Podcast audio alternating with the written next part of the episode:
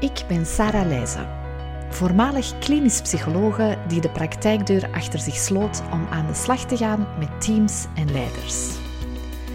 Deze podcast is voor professionals en teamleiders die actief willen bouwen aan de cultuur in hun team en organisatie.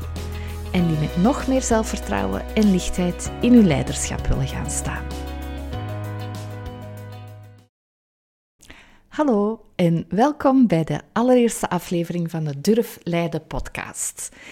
Zeggen dat ik enthousiast ben om deze eerste aflevering de eter in te sturen, dat is een understatement. Ik ben al maanden tegen iedereen die het wil horen bezig over hoeveel zin ik heb in het maken van deze podcast. Wat dat ik niet had zien aankomen, was dat mijn perfectionisme zo sterk de kop op zou steken dat ik deze eerste aflevering vier keer opnieuw zou opnemen.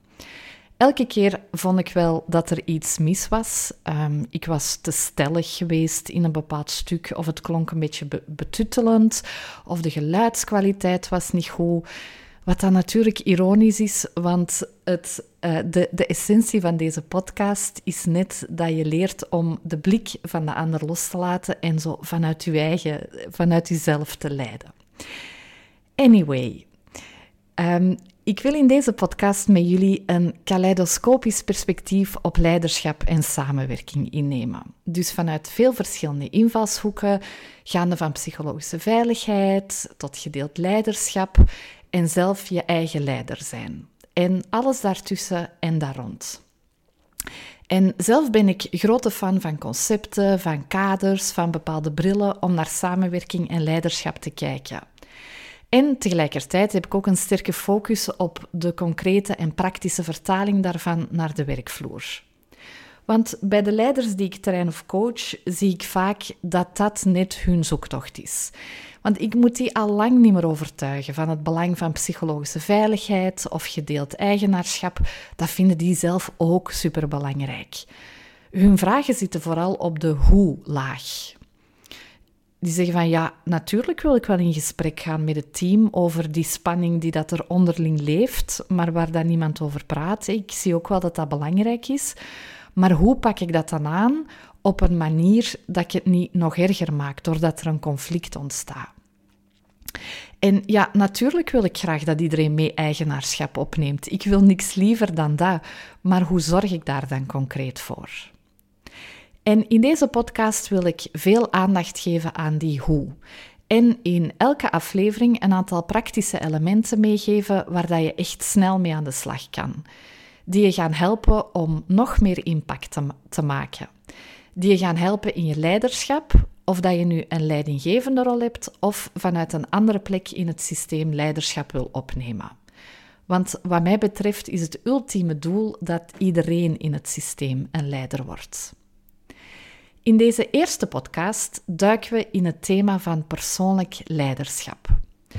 Je zou persoonlijk leiderschap kunnen omschrijven als handelen vanuit je eigen kompas, je eigen waarde en intuïtie, ook als dat betekent dat je daarmee ingaat tegen de status quo en dus ook het risico loopt dat anderen daar iets van gaan vinden. En het is dat laatste dat het soms zo moeilijk maakt, dat persoonlijk leiderschap. Want dingen zeggen of doen waar anderen mogelijk iets van gaan vinden, ja, dat kan best eng zijn. Toch, als je een mens bent met een normaal functionerend sociaal vermogen, ja, en dus ook wel verlangen hebt naar erbij horen, connectie met, met, met de ander houden. En hier zijn zo een aantal situaties van wanneer het uitdagend kan zijn om in je persoonlijk leiderschap te blijven staan. Bijvoorbeeld, je ziet in het team bepaalde patronen die niet helpen, die niet helpend zijn, en je wil die bespreekbaar maken. Maar tegelijkertijd voelt je ook aan dat niet iedereen van het team per se heel blij of enthousiast gaat zijn als jij dat bespreekbaar maakt. En dat sommige teamleden er zelfs geraakt of getriggerd door gaan worden. En misschien dan ook wel op een scherpe manier gaan reageren. Of een ander voorbeeldje, een aantal teamleden ja, die gaan door een heftige privésituatie en door jouw sterke empathische antennes ben jij je echt heel erg bewust dat ze het zwaar hebben, hè? Dat, dat ze echt door een moeilijke periode gaan. Tegelijkertijd laten ze steken vallen op het werk En komen ze de laatste tijd regelmatig te laat en brengt dat ook wel iets teweeg in de rest van het team. Er wordt over gepraat. Dus jij voelt van ja, ik, ik moet hier iets mee doen, ik, ik wil dat vastpakken. En je wil er met die collega's in kwestie over in gesprek gaan. Maar tegelijkertijd weet je ook hoe, fragiel ze op dit moment zijn en zijt je ook bezorgd voor wat dat, dat teweeg gaat brengen, dat gesprek. En jij wil niet degene zijn die hen zo over het randje duwt. Of nog een laatste voorbeeld. Ja, jij hebt misschien een visie voor het team of voor de organisatie. En misschien zie jij heel helder waar dat jij het systeem naartoe wil helpen bewegen. Een soort top van de berg. En tegelijkertijd zie je ook heel goed de afstand tussen waar jullie als team of organisatie nu staan en die top van de berg. En je weet ook dat heel wat collega's niet per se zitten te wachten op verandering.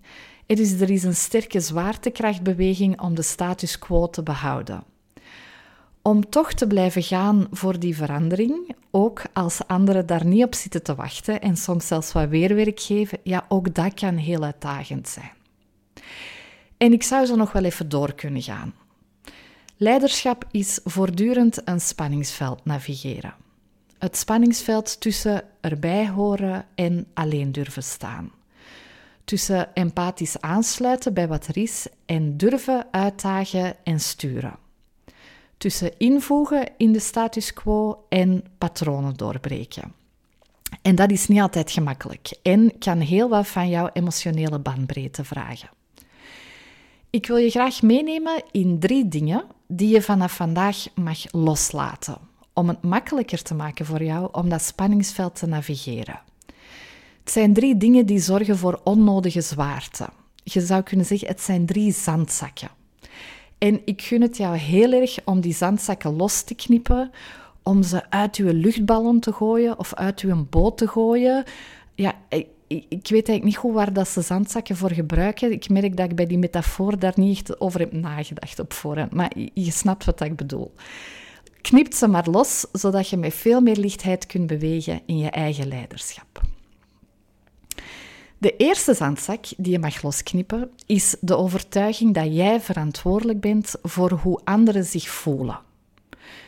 Je mag het idee loslaten dat als iemand zich geraakt, gekwetst of gefrustreerd voelt naar aanleiding van iets dat jij zegt of, of deed, dat dat jouw schuld is.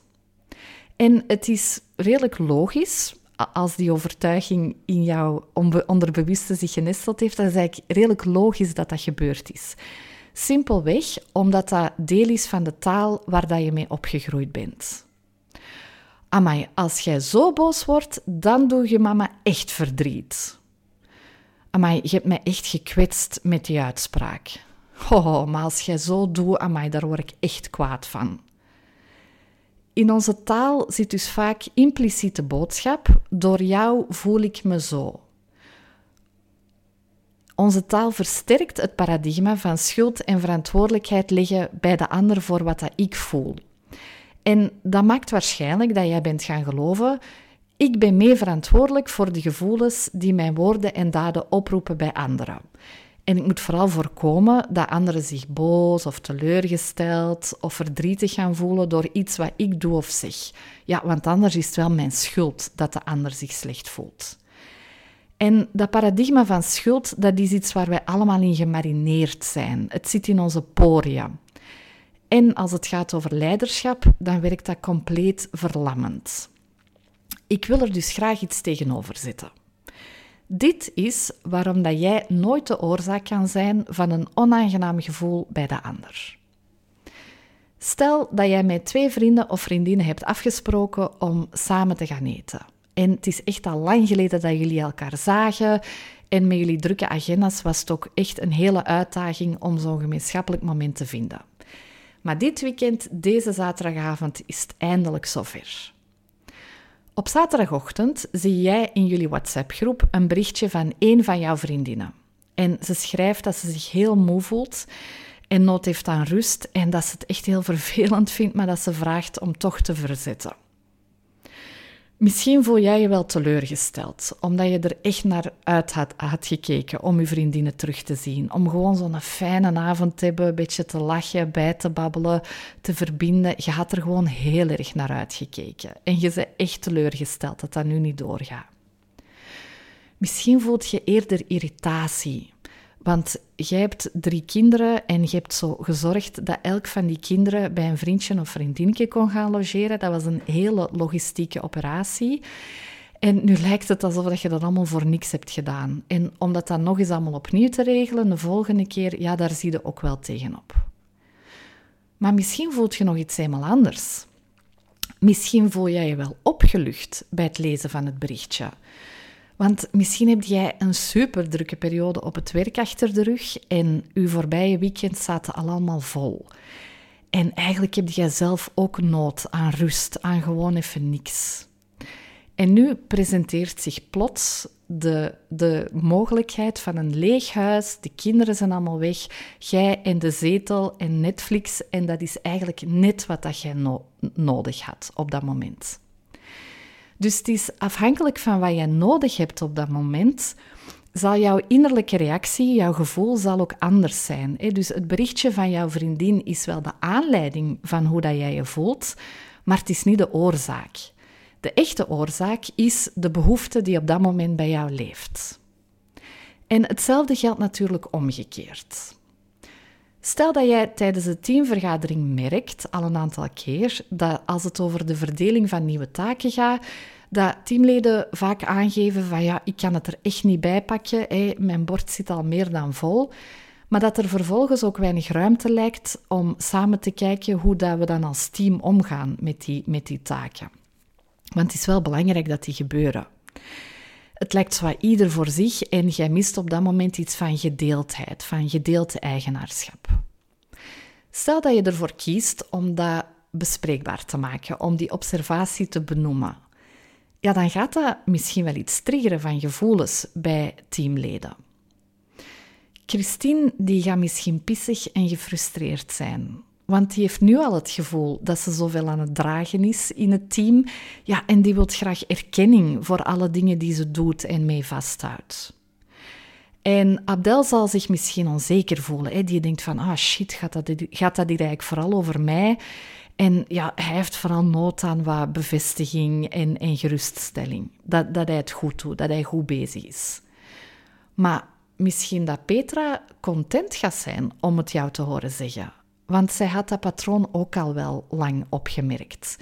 En voor haar is belangrijk dat jullie over zo'n dingen open kunnen communiceren, samen reflecteren over wat er beter kan. En zo dat thema van samen verantwoordelijkheid nemen, dat is voor haar vanzelfsprekend en ook gewoon heel belangrijk. Jij hebt dus weinig vat op wat de anderen voelen, naar aanleiding van wat jij zegt of doet. Dus laat die verantwoordelijkheid ook maar los. Ze hoort niet bij jou. En er is wel een belangrijke nuance. Want dit alles betekent natuurlijk niet dat ik mij niks ga aantrekken van wat mijn gedrag met anderen doet. Stel dat ik zo mij door de wereld beweeg van, uh, ja, maar wat dat jij voelt, uh, dat is uw probleem. Dat is niet mijn verantwoordelijkheid. Ja, je kunt je voorstellen dat dat ook niet werkt, hè, dat ik dan uit connectie ga met andere mensen. Want waar ik wel verantwoordelijk voor ben, is mijn intentie, waarmee dat ik dingen bespreekbaar maak, maar zeker ook de manier waarop dat ik dingen benoem, uiteraard. En ik ben ook verantwoordelijk voor mijn reactie op de ander als ik vaststel dat die getriggerd is. En ik kan altijd kiezen om daar vanuit betrokkenheid en empathie op te reageren, om daar ruimte voor te maken. Maar betrokken en empathisch ruimte maken voor de gevoelens van, van de ander, ja, dat is iets anders dan mezelf daar verantwoordelijk voor maken of, of mezelf daar schuldig rond voelen. Energetisch maakt dat een heel groot verschil. Want zo jezelf verantwoordelijk maken, jezelf schuldig maken, dat is zo in sorry-modus gaan. Hè? In verwijt naar jezelf. Van, ah shit, ik had dat beter niet gezegd. Of um, ik had dat beter anders moeten zeggen. En verwijt naar jezelf, daar zit vaak ook een haakje in van verwijt naar de ander. Vaak zijn dat zo twee zijden van dezelfde medaille. Zo van, ja, maar die, die moet dat ook altijd zo persoonlijk pakken en, enzovoort. de verantwoordelijkheid niet bij jou nemen, maar wel betrokken zijn, dat betekent dat je zegt: Ja, ik, ik zie dat dit u raakt en dat dit belangrijk is voor u. En wat dat die dit is, ja, dat kan van alles zijn. Hè? Misschien erkenning voor wat dat die persoon wel allemaal doet, bijvoorbeeld. En hoe meer dat je vanuit die laatste houding u beweegt um, in, um, in relaties, in samenwerkingsrelaties, en zo vanuit betrokkenheid zonder verantwoordelijkheid te nemen, hoe makkelijker dat je het gaat vinden om in je eigen leiderschap te, te gaan staan. Hoe makkelijker dat je het gaat vinden om te zeggen wat dat je wil zeggen, of waarvan dat je weet, ja, dat is belangrijk dat ik dat zeg, ook als dat de ander mogelijk kan triggeren. Dat brengt ons bij de tweede zandzak. En de tweede zandzak die je mag loslaten, is het vermijden van kritiek. Ja, en ik ga meteen eerlijk zijn, zelf krijg ik helemaal niet graag kritiek. Ik wil liefst dat iedereen mij altijd graag heeft, dat iedereen fan is van wat ik doe. En ja, ik vind kritiek krijgen meestal wel wat pijnlijk. Niet altijd. Maar wel als het inhaakt op iets waar ik zelf wat onzeker over ben, of als het komt van iemand waar ik wel wat naar opkijk, om de een of andere reden. Of iemand van wie dat ik de mening belangrijk vind. Kritiek, ja, dat raakt vaak aan behoefte aan erkenning, bevestiging, erbij horen, aanvaarding enzovoort. Het is dus heel normaal en heel menselijk om kritiek te willen vermijden, want dat kan gewoon pijn doen. Dit is het slechte nieuws. Hoe meer dat jij in je leiderschap gaat staan, hoe groter de kans wordt dat je vroeg of laat wel eens kritiek gaat krijgen. Sterker nog, als je nooit kritiek krijgt, dan ben je waarschijnlijk veel te veel onder de radar aan, aan bewegen en durf je te weinig tegen de status quo ingaan. Want als jij graag impact wil maken op de teamcultuur en de manier waarop jullie samenwerken, ja, dan gaat dat betekenen dat je wel eens gaat beginnen morrelen aan de bestaande groepsnormen. Dat je de bestaande status quo in vraag gaat stellen. Het hoort er gewoon bij. En dat vindt niet iedereen altijd even aangenaam. Het goede nieuws is dat kritiek geen probleem is. En de reden waarom sluit aan bij zandzak nummer 1. Kritiek of oordelen, dat zijn vaak uitingen van iets dat belangrijk is voor, voor de ander, maar het zit gewoon in een wat lelijke, onhandige verpakking. Marshall Rosenberg, dat is de grondlegger van geweldloze communicatie, die zegt dat kritiek of een oordeel een onhandige uiting is van een onvervulde behoefte. Als iemand jou dus bekritiseert, dan wil die meestal vooral ergens in gezien worden dat voor hem of haar belangrijk is. Het gaat dus vaak meer over de ander dan over jou. Stel bijvoorbeeld dat er ergens een knoop moet worden doorgehakt en jij kiest ervoor om dat samen met het team te doen. Dus je agendeert dat op de teamvergadering. Dat vraagt meer tijd dan als jij gewoon zelf die beslissing zou maken, maar je vindt participatie en gelijkwaardigheid evident belangrijk. Um, en voor u is het dan ook vanzelfsprekend dat je dat samen met het team gaat beslissen.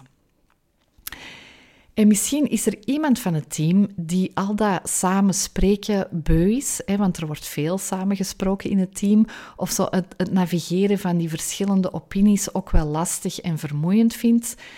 En die zo als kritiek geeft van, oh, eigenlijk vind ik dat jij te veel in het team legt, vind ik dat jij dat soort dingen zelf zou moeten beslissen. Zo, ik vind dat jij ons een kader zou moeten geven als leidinggevende. Dat je meer leiderschap moet, moet opnemen. Nu, als jij die kritiek ter harte neemt en de volgende keer een gelijkaardige uh, beslissing wel zelf maakt, zonder dat met het team af te toetsen, ja, dan gaat er van een andere collega of meerdere andere collega's misschien ook kritiek volgen. En die zeggen misschien van, ja, maar waarom beluistert jij ons daar, daar niet in? Waarom beslist jij dat zelf?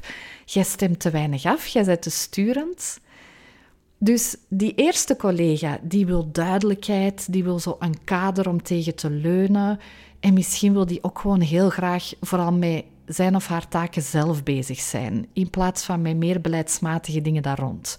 Die wil zich gewoon kunnen focussen op het werk. Maar die andere collega's, ja, die willen wel inspraak, die willen mee kunnen sturen en mee kunnen beslissen. Dus bij gevolg, je kan eigenlijk nooit kritiek vermijden. Dat is gewoon onmogelijk. Want wat de een als afgestemd beschouwt, gaat de ander ervaren als te weinig sturen. En wat de een als dominant ervaart, ziet de ander als krachtig leiderschap. Dus aangezien je toch geen vat hebt op de blik van de ander, ja, laat die dan ook maar los. Hè. Wat anderen van jou denken, zijn jouw zaken niet. En opnieuw ga ik ervan uit dat jullie ook de nuance zien. Want als ik een aantal keer opnieuw dezelfde kritische feedback krijg, ja, dan is dat een interessante spiegel. Hè? En dan zit daar waarschijnlijk een leerkans in voor mij. Dus opnieuw, het gaat er niet om, om elke vorm van feedback zo van u af te laten glijden. Hè, van ja, het is toch maar de projectie van, van de ander.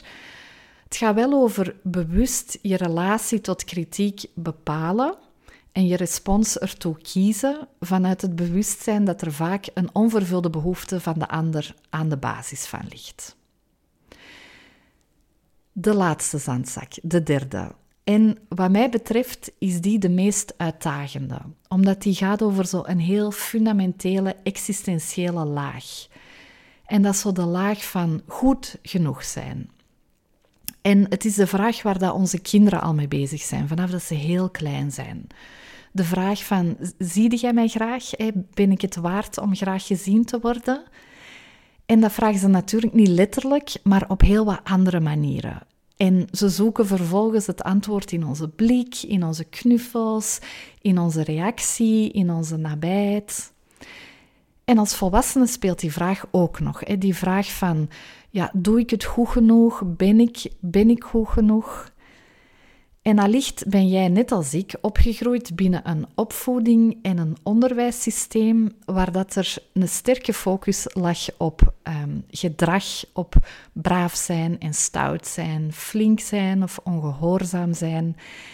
En heb jij waarschijnlijk ook op veel verschillende manieren meegekregen dat als je flink bent en braaf bent en doe wat er van je gevraagd wordt, ja, dat de kans dan wel groter is dat de meester of de juf of mama en papa, dat die u, dat die u schouderklopjes geven, stickertjes, knuffeltjes.